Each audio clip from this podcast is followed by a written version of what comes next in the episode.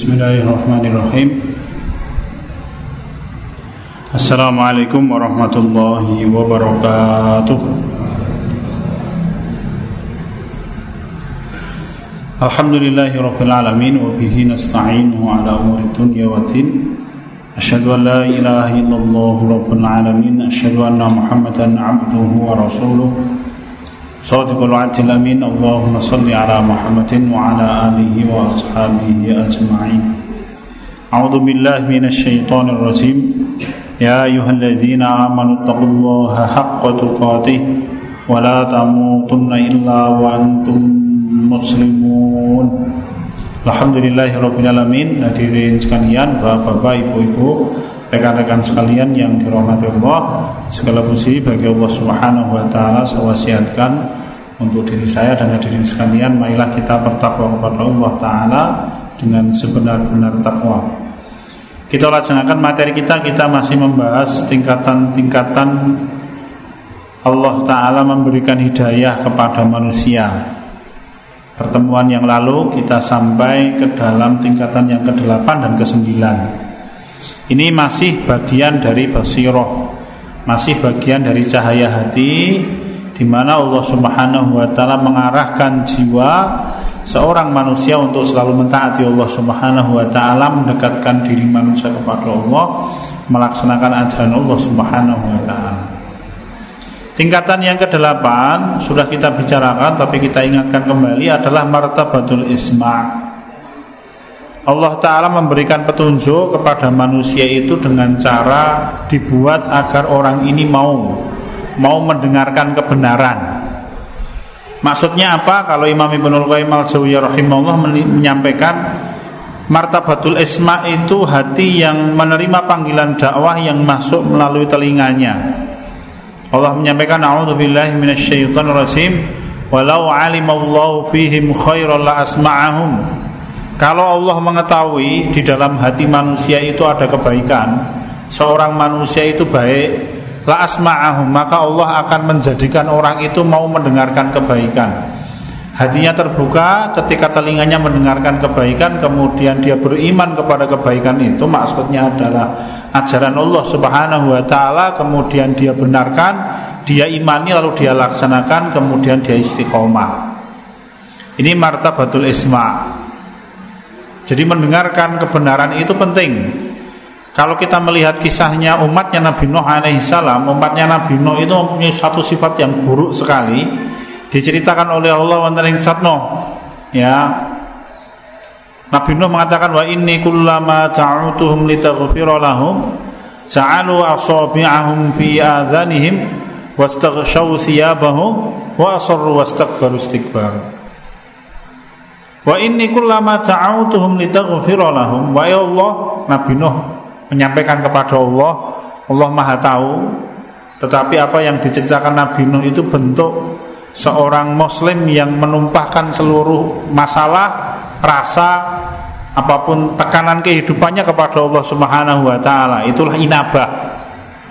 Seseorang mengembalikan segala sesuatu kepada Allah Nabi Nuh bercerita wa inni kullama ta'utuhum litaghfira lahum ja'alu asabi'ahum fi adhani Wahai Allah setiap kali aku mengajak umatku untuk menerima ajaranmu sehingga kemudian engkau mengampuni dosa-dosa mereka Ja'alu asabi'ahum fi adhanihim Maka mereka meletakkan jari mereka di lubang telinga mereka.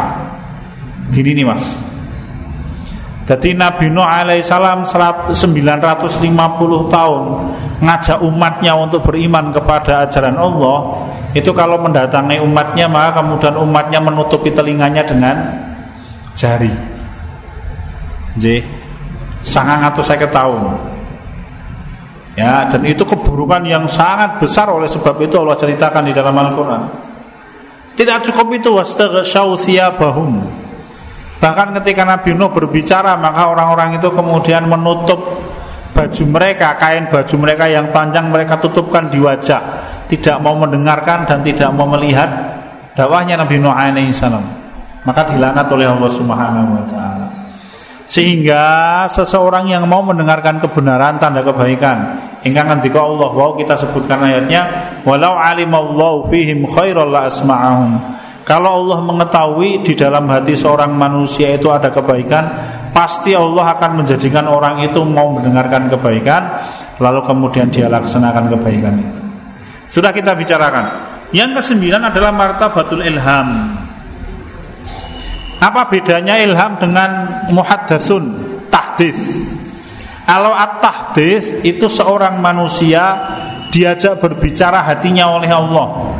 Kalau ilham itu adalah manusia diajak berbicara hatinya oleh malaikat, diberi bisikan oleh malaikat. Martabatul ilham.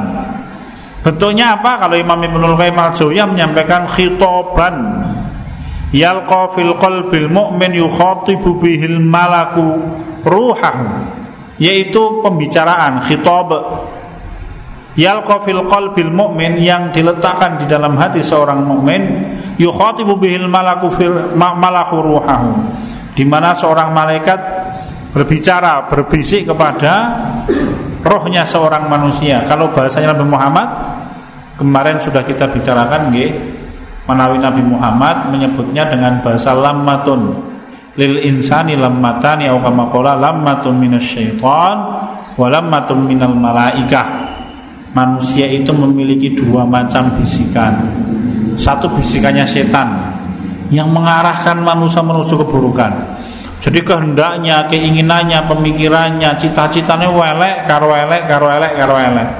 Ada tidak di dunia ini ada hadirin sekalian. Jadi, karena niatnya yang rusak, karena hatinya yang rusak.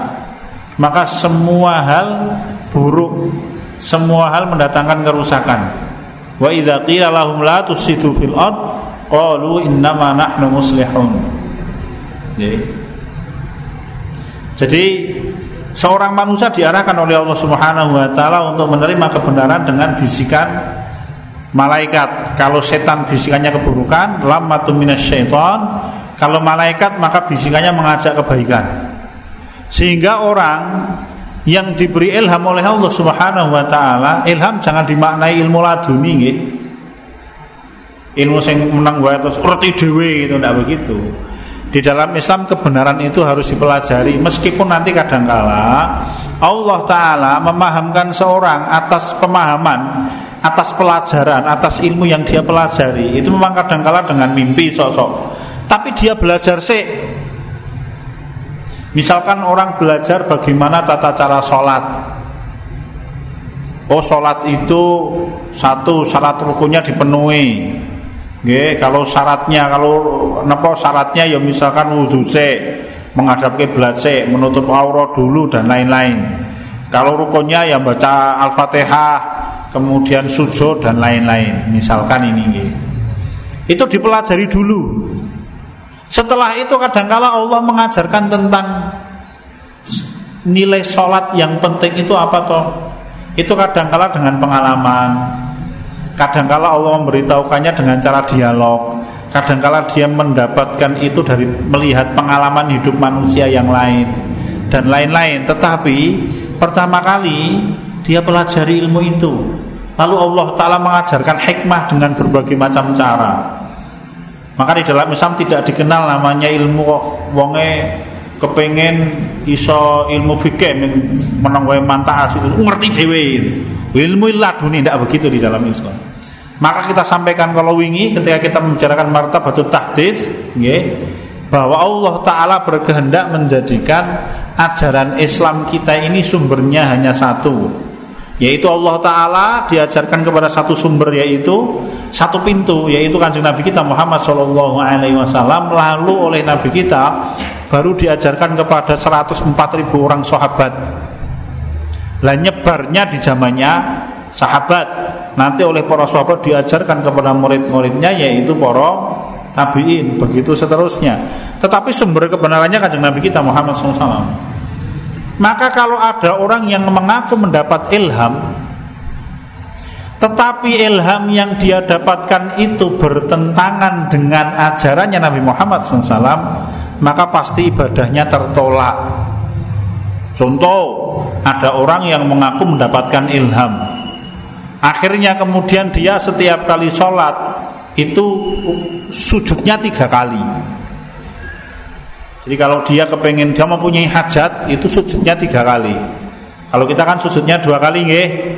Sujud pertama, sujud kedua. Kalau orang ini sujudnya tiga kali. Sujud pertama, sujud kedua, kemudian sujud ketiga. Nanti rokaat kedua ya sujud pertama, sujud kedua lagi, sujud ketiga. Begitu. Ketika ditanya lu mas kok jenengan sujudnya pengen telu. Dia mengatakan sujud ketiga ini sujud di mana saya berdoa meminta pertolongan kepada Allah Subhanahu wa taala. Apa yang terjadi Bapak? Salatnya batal. Kenapa? Karena dia dengan sengaja menambah jumlah sujud di dalam sholat. Kalau itu dikerjakan dengan sengaja, maka sholatnya batal. Sebagaimana ada seorang anak muda misalkan, sing semangat semangati sholat, ketika di puncak semangatnya dia sholat subuh hitung rakaat dengan sengaja. Oleh ganjaran betul bapak-bapak tidak. Nopo yang terjadi sholatnya batal. Ya, maka nanti kalau ada ilham yang diaku oleh manusia sebagai ilham Kok bertentangan dengan ajaran pokok yaitu ajaran yang dibawa oleh kanjeng Nabi kita Muhammad SAW Maka batal amalan itu dan itu bukan ilham Tapi itu bisikan syaitan Lammatu minas syaiton. Jadi ilham di sini adalah hati manusia dibisiki oleh malaikat untuk menetapi kebenaran. Ya kadang-kadang memang wujudnya ilmu. Misalkan ada seorang mu'alaf. Eh kadang-kala wujudnya ngimpi misalkan. Nanti yang ke-10 ngimpi. Misalkan misalkan ini ada seorang mu'alaf. Baru masuk Islam.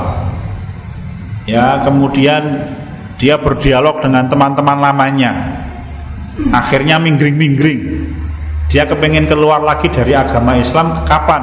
Setelah dialog dengan teman lamanya Ya Akhirnya misalkan dia bermimpi, ada tidak ini ya? Mimpi begini ada. Mimpi di dalam mimpi itu dia ditemui oleh Tuhan di agama lamanya yang mengatakan wahai kamu disebut namanya yang benar itu agamanya Muhammad SAW itu. Maka ikutilah agama itu. Karena itu akan membawamu menuju kebenaran. Nah itu ilham kalau itu bapak-bapak. Karena Allah Ta'ala mengajarkan kebenaran kepada orang itu dengan cara mimpi. Ini ada ngimpi wah niku ketemu oleh simbah Nganggu kelambi putih, nganggu kupluk putih Nganggu sarung putih. Kemudian simbah kula sing mung sedon cerios pendak malam Jumat kliwon kon boleh pitik cemani misalnya itu bisikan setan itu. Jadi hadirin sekalian, nek ora ciloko we, sa anak putu ah sudah. Maka panjenengan bangun ta'awud kalau di dalam Islam diperintahkan kemudian meludah ke kiri sekali. Ini ya didelok sapa sing tuneng pinggire nggih. Wah keruk cuh ngono padu malan setane seneng keplok-keplok ya tapi kalau kita mimpi model-model begitu atau mimpi kok menakutkan maka kita diperintahkan berta'awud kemudian meludah sedikit ke arah samping kiri kita itu yang diajarkan Nabi kita Muhammad Shallallahu Alaihi Wasallam. Sekarang kita bicarakan bahwa bapak ibu-ibu yaitu martabatur ru'yah shadiqah. Mimpi yang benar. Ya, mimpi yang benar. Jadi mimpi yang benar itu ada memang Nabi kita Muhammad Shallallahu Alaihi Wasallam menyampaikan awkamakola maya bakominan nubuwati illa shadiqah tidak lagi tersisa dari kenabian kecuali yang didapat orang hari ini adalah mimpi yang benar, jalur seperti kenabian tapi bukan kenabian. Apa itu mimpi kenab mimpi yang benar?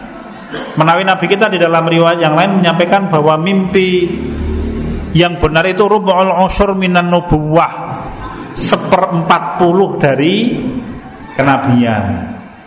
Karena Rasul kita Muhammad SAW ketika akan mendapatkan wahyu pertama kali saya ulangi bapak-bapak Nabi kita Muhammad SAW Sebelum mendapatkan wahyu pertama kali Surat Al-Alaq Iqra bismi rabbikal Dikisahkan oleh Syekh Sofiur Rahman Mubarak Puri dalam uh, Rohikum Mahtum Di dalam kitab tarikh yang beliau tulis Beliau menyampaikan sejak setengah tahun Sebelum Nabi kita mendapatkan wahyu pertama Nabi kita itu sudah sering mimpi yang benar. Ru'yatus sadiqah Maka Rasul kita menyampaikan Ru'yatus sadiqah itu Rub'un usur minal malaika aminar rubuwah. Dia seperempat puluh kenabian. Jadi kalau mimpi yang benarnya Nabi Muhammad Nabi Muhammad itu setengah tahun Sejak setengah tahun Sebelum diangkat menjadi Nabi Beliau sering bermimpi Melihat fajar cahaya yang menyingsing. Ya di kota Mekah. Sering belum melihat itu. Itu rupanya isyarat dari Allah subhanahu wa ta'ala Bahwa beliau akan diutus Menjadi utusan Allah yang paling akhir Nabi yang paling akhir yang mengangkat kegelapan yang waktu itu menimpa manusia. Loh, kita tahu dari mana? Rasul kita berkisah di dalam hadis sahih. Hadisnya panjang Bapak-bapak ini.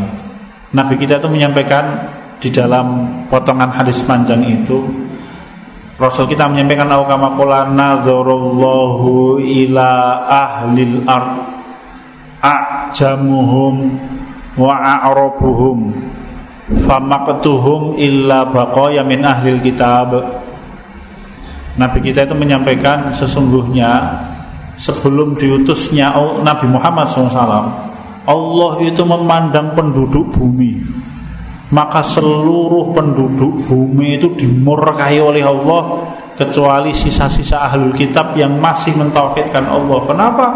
Karena dunia waktu itu tidak ada orang yang mengenal Allah kecuali sisa-sisa di antara sedikit ahlul kitab. Contohnya beberapa orang yang menjadi temannya Salman Al Farisi.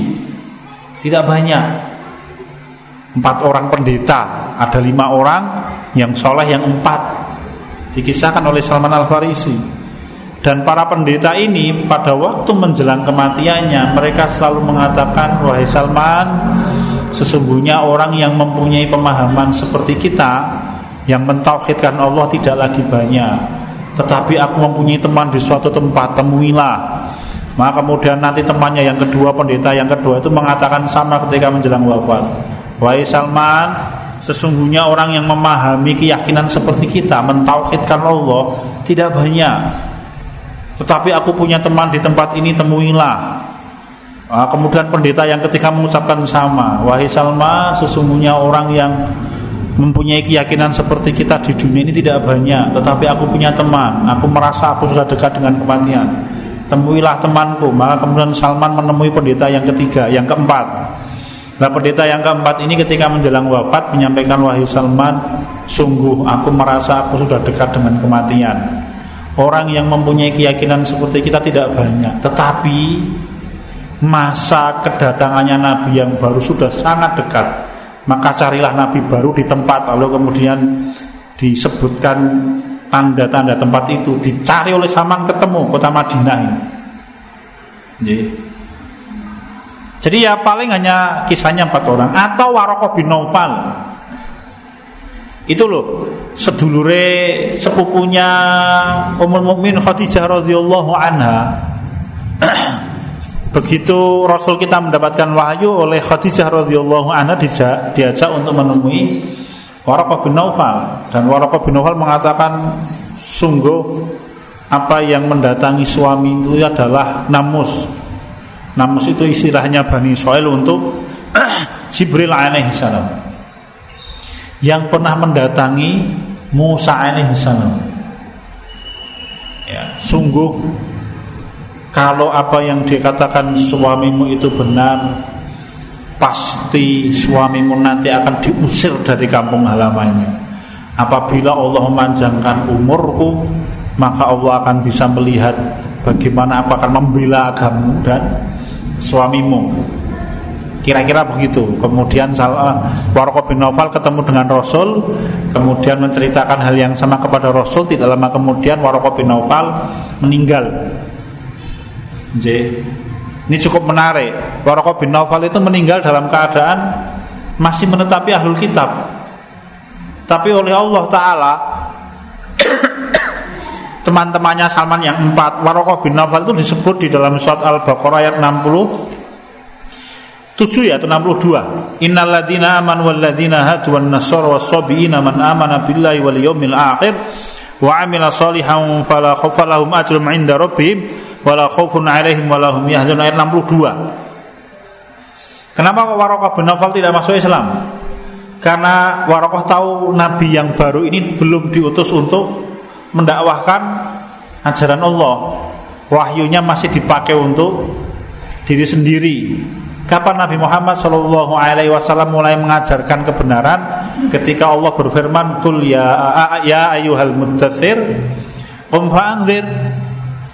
Wahai orang yang berselimut, bangkit dan peringatkan manusia lah. Rasul kita mulai berdakwah, istrinya masuk Islam, pembantunya Zaid bin Harithah masuk Islam, kemudian Ali bin Abi Thalib saudara sepupunya masuk Islam, untuk menakrabnya Abu Bakar masuk Islam. Begitu hadirin.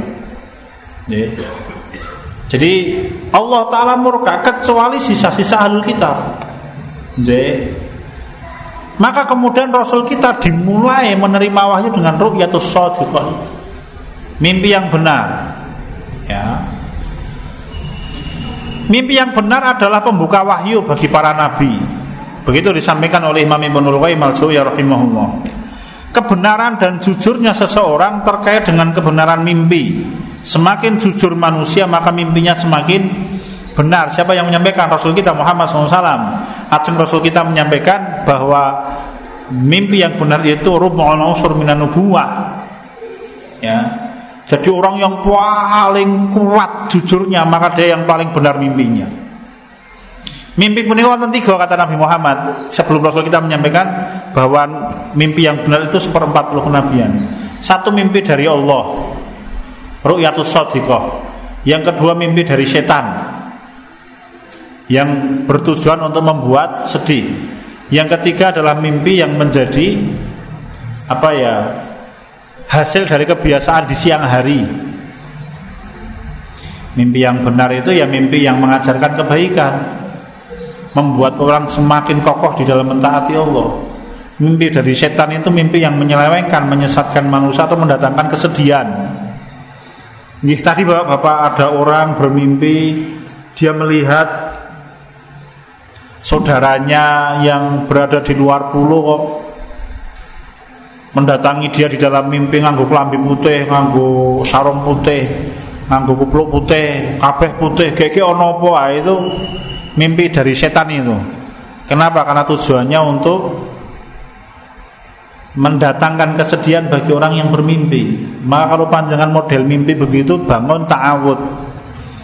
Ning gek kuwi syarat kalau saudara saya meninggal, Isa itu rangutan iku Bapak. Kalau panjenengan membaca kitabnya Imam Ibnu Sirin Takwil Mimpi itu bahkan mati itu kadangkala takwilnya itu bentuknya orang diberi mahkota. Itu takwilnya mati. Mati tenanan bapak bapak. Nah, kalau diberi mahkota apa hubungannya? ya Kulo ngimpi gunung Merapi jeblok ah itu jenengan ta'awud. A'udzubillahi minasyaitonirrajim. Ya. Ngimpi kok vulgar banget ya setan itu biasanya di. Lajeng Imam Ibnul Qayyim al-Jauziyah rahimahullah menyampaikan penyebab mimpi yang benar itu apa? Satu makanan yang halal kata beliau. Orang kalau makanannya haram mimpinya bujel.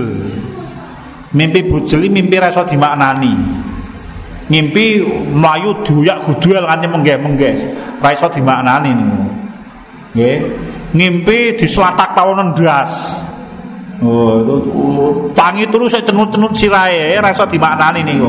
Apa ngimpine Bapak nggih? Begitu hadirin. Ngimpi mangan sate arep dipangan melek nggih to wetenge ngelek. Ngimpi ra iso dimaknani, rasa dimaknani ngoten niku mendingan ban ikut tuangi gawe sarimi terusan gitu Pak madang ya jadi satu makanan yang halal nah, kalau orang makanannya tidak halal mimpinya biasanya ya bujel gelap raiso dimaknani yang kedua adalah menjaga diri selalu berada di atas kebenaran. Caranya apa ya? Melaksanakan yang ma'ruf dan menjauhi yang mungkar. Maka biasanya memang mimpi yang benar itu mimpinya orang-orang soleh, orang-orang yang banyak ibadahnya. Kenapa? Karena firasatnya tajam. Karena mimpi yang benar itu bagian dari kekuatan firasat. Jadi Bapak. Jadi mimpi yang benar itu bagian dari tajamnya firasat seseorang. Saya pernah menceritakan nih, saya punya teman sepirang puluh tahun kepengker nih. Sangang puluh lima, sangang puluh enam itu berarti berapa tahun? Dua puluh berapa tahun yang lalu? Dua puluh empat tahun yang lalu. Sejak itu sampai sekarang orang ketemu loh. Yang saya masih ingat Lu tinggal di kampung Ring Selatan ini nanti nganti lali. Saya pernah datang ke rumahnya. Nemplek mengemperan rumah itu. Lo kaget tuh. Lu oh, anaknya banyak. Jadi dia nyewa di Yogyakarta itu meng, nyewa emperan dan emperan rumah itu apa Sederhana sekali kehidupannya. Jadi orang ini kalau mimpi mimpinya tajam betul. Zuhud pancen wong Begitu dia pulang balik ke kampung halamannya, eh sebelum di kampung halaman ini pekerjaannya pengusaha tambak. Omawe tingkat bapak, Ya, itu mimpi sekali, mimpi ini kejadian ini. Jadi, pernah saya dapat cerita bagaimana belum dari orang lain mimpinya. Yang kedua adalah selalu berkata jujur. Maka Rasulullah tidak menyampaikan orang yang paling jujur adalah orang yang paling kuat mimpinya. Jadi kalau orang perkataannya jujur atau ngapusi, itu mimpinya benar. Semakin jujur semakin kuat mimpinya. Yang keempat, Imam Ibnu Qayyim al-Jauziyah rahimahullah menyampaikan, jadi ketika dia tidur dia menjaga toharoh, wudu. Gitu. Nek ana wong kok Pendak dina ngimpi ya paling le donga le turu ora wudu gitu apa. Pamare kancane jin.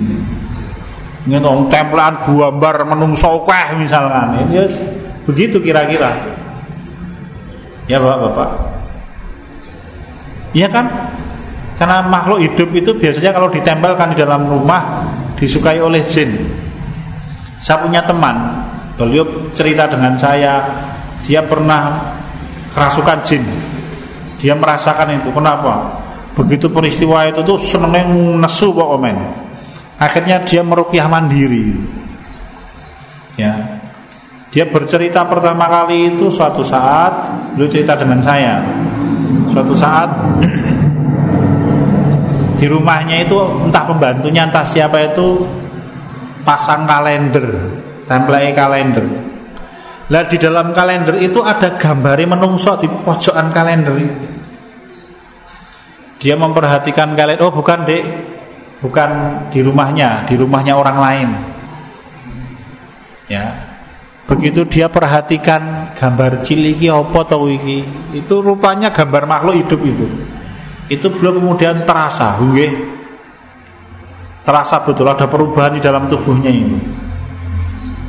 Dia cerita nek tak rukyah jine juga cekakane ngono.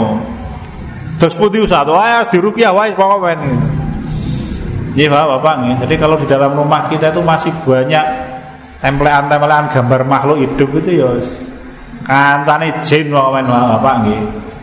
Engko bojone ning dapur sendoke obah dhewe ae sing ngoten niku wawan itu Gambar-gambar reteli. Ya, jadi tidurnya membaca doa dalam keadaan suci, menghadap kiblat. Kemudian yang paling akhir Imam Ibnu Qayyim yang menyampaikan dan selalu berzikir menjelang tidur hingga hilangnya kesadaran itu dia berzikir. Maka kalau orang seperti itu mimpinya benar biasanya. Paceng Imam Ibnu Qayyim al-Jauziyah rahimahullah menyampaikan ini lanjutannya, mimpi yang benar itu biasanya munculnya di waktu sahur ngimpi kok bar subuh ora berkah nggih to karena memang Rasul kita melarang kita tidur bakdo subuh.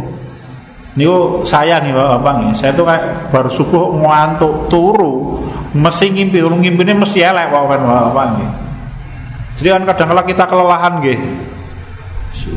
Gawean akeh buat subuh balik mulai itu ngimpi Pak Bapak nih. Saya pernah bahkan baca subuh itu baca Quran sampai ketiduran kok. Oh, dan turu hak bapak ini. Pas tidur tiba-tiba di samping saya ada perempuan pakai jilbab. Ngimpi nih kita nih. Tapi saya merasa satu Tak tekon kowe jin yo mantuk-mantuk wah diantemi. Ler ler bar tangi yo. Salahin apa? Salahin tidur pada subuh. Memang tidur subuh tidak boleh. Kalau saya merasakan begitu gitu, ini anggar oh, tuh bar subuh oh, terus mimpi mesti elek kok. Ya, mimpi yang membuat tidak nyaman. Ya. Jadi mimpinya yang benar itu biasanya kata Imam Ibnu Qayyim al mimpi ketika waktu sahur ya sepertiga malam. Waktu sahur kan sepertiga malam. Okay. Kenapa begitu Imam Ibnu Qayyim al-Jauziyah rahimahullah menyampaikan karena waktu itulah Allah turun ke langit dunia.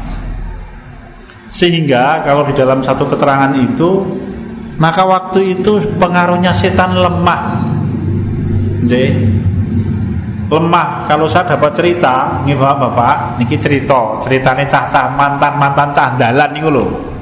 Bocah niku nek gaweane mabuk niku biasane batas paling akhir itu jam satu malam.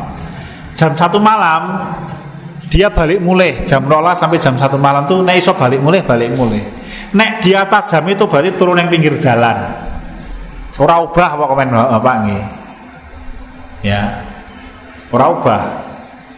Jadi kalau orang mabuk itu yo ya antara dari mulai malam hari sampai jam 12 jam 1. Pokoknya jam siji ora balik sing ngletak nang pinggir jalan turu pokoknya. Awake ora kuat. Nggih. Biasanya begitu kata anak-anak pinggir jalan itu. Ya. Yang kedua, karena sepertiga malam terakhir itu dekatnya ampunan dan rahmat Allah. Allah melimpahkan rahmatnya di sepertiga malam terakhir. Gitu. Rasul kita menyampaikan Allah berfirman Siapa yang meminta kepadaku aku kabulkan Siapa yang memohon ampunan kepadaku aku ampuni Kemudian Imam Ibn Qayyim al-Jawiyah menambahkan yang ketiga Karena sepertiga malam itu Waktu diamnya setan J. Kan setan itu keluar kapan ketika azan Maghrib gitu Pak Ubek pokoknya setan ini kapan ketika mulai azan maghrib maka Rasul memerintahkan kita pintu-pintu ditutup, jendela-jendela ditutup. Kalau anaknya masih bermain, perintahkan masuk ke dalam rumah. Ya. Terus karena itu kegelapan malam, ya maka biasanya jin itu munculnya di malam hari. Kenapa? Kalau sebagian ulama menyampaikan karena memang itu gelap. Dan nanti mulai berkerang kapan? Sepertiga malam terakhir. Hanya memang tantangannya seperti malam terakhir itu enak-enak wong turu. Lo kon tali sholat tahajud seperti malam wabot Bapak nih. Itu enak-enak wong turu. Nah, biasanya kadang kala dimanfaatkan oleh maling. Maling itu nek mencuri biasanya ya jam 1, jam 2, jam 3 malam gitu. Maling kok mencuri jam 8 malam oh golek perkara ngejak gelut tuan rumah kuwi. Maling itu biasanya jam-jam sekian itu. Kenapa? Itu nyenyet nek bahasanya kita. Gelap-gelapnya malam itu jam satu malam, jam dua malam, jam setengah tiga malam. Ya, maka itu tantangan, itu rahmat Allah turun. Kalau panjenengan perhatikan, wong saya orang kampung, wong kampung apa nggak kalau wong jalan Wonosari asli ini. Zaman saya kecil dulu, jam-jam satu, jam dua, jam tiga itu kalau malam hari itu waktu turunnya kabut Turunnya kabut. Lo nek jam siji jam jam paling enak nopo narik selimut. Turunnya itu selimutnya ditarik. Wow, oh, enak banget bapak ini. Maka kalau ada orang bangun di waktu itu, Allah Taala akan melimpahkan rahmatnya. J. Wa qumu billaili wan nasu niyam tadkhulul jannata bisalam. Rasul kita ngendika bangunlah engkau di malam hari ketika manusia tidur. Dan tidur paling nyenyak itu ya tidur jam 1, jam 2, jam 3, jam 4 Oke, begitu. Lo kok jenengan ngertos mas? Saya itu punya simbah pak. Sampun sedo, saya ceritakan gitu Simbah putri saya itu orangnya ahli sholat tahajud. Meng pendoan dino nyetele wayang. Oh, Jadi sepanjang malam ketuk subuh itu semua suaranya neng rumah itu wayang pokoknya Sehingga zaman cilik yo melek begini ya, zaman dulu tahun mulung puluhan ini. Begitu hadirin sekalian jadi waktu turunnya kabut ya jam-jam sekian. Sedangkan kebalikannya mimpi yang buruk itu mimpi di mana kegelapan datang. Ketika setan menyebar. Maka Rasul kita tidak memperbolehkan kita tidur dari mulai ngasar sampai menjelang maghrib. Nggih to? Nggih. Dan Rasul kita melarang tidur dari mulai ba'da subuh man sampai menjelang terbit fajar. Jangan tidur nih Bapak-bapak Barkahnya dicabut oleh Allah Subhanahu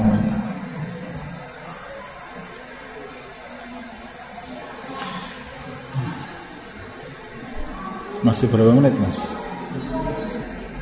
Sahabat Ubadah bin Samit radhiyallahu anhu menyampaikan ru'yal mu'mini kalamun yukallimu bihi rabbu 'abdahu fil manam. Ru'yal mukmin, mimpinya orang mukmin itu kalamun seperti kalamullah di mana Allah mengajak berbicara hambanya di dalam tidurnya seperti seakan-akan maksudnya nggih tapi jangan dimaknai wahyu loh nggih. Yang wahyu itu mimpinya para nabi. Ru'yatul anbiya wahyun. Mimpinya para nabi itu wahyu. Jadi wahyu itu mimpinya para nabi. Tapi kalau seorang mukmin itu firasat yang tajam. Maka Rasul kita menyampaikan ittaqu firasatal mukminin berhati-hatilah kalian dengan firasatnya orang mukmin. Kenapa? Karena firasatnya orang mukmin itu tajam. Dan nanti semakin mendekati hari kiamat, maka akan semakin banyak mimpi yang benar itu. Ya. Semakin mendekati hari kiamat, maka mimpi yang benar akan semakin banyak. Sebagai apa? Sebagai cara Allah untuk menguatkan orang-orang mukmin agar istiqomah di dalam mentaati Allah Subhanahu wa taala karena memang godaan dan ujian orang hidup di akhir zaman semakin berat. Maka salah satu cara yang dipakai oleh Allah taala untuk menguatkan keimanan seorang mukmin Allah semakin memperbanyak mimpi yang benar di akhir zaman. Semakin mendekati kiamat maka semakin banyak orang yang mimpi yang benar. Ya. Apa itu? Ya kita tidak tahu. Tapi intinya Allah memberikan firasat bagi orang-orang mukmin karena memang di akhir zaman itu banyak bencana Bapak-bapak. Di akhir zaman itu banyak kehancuran.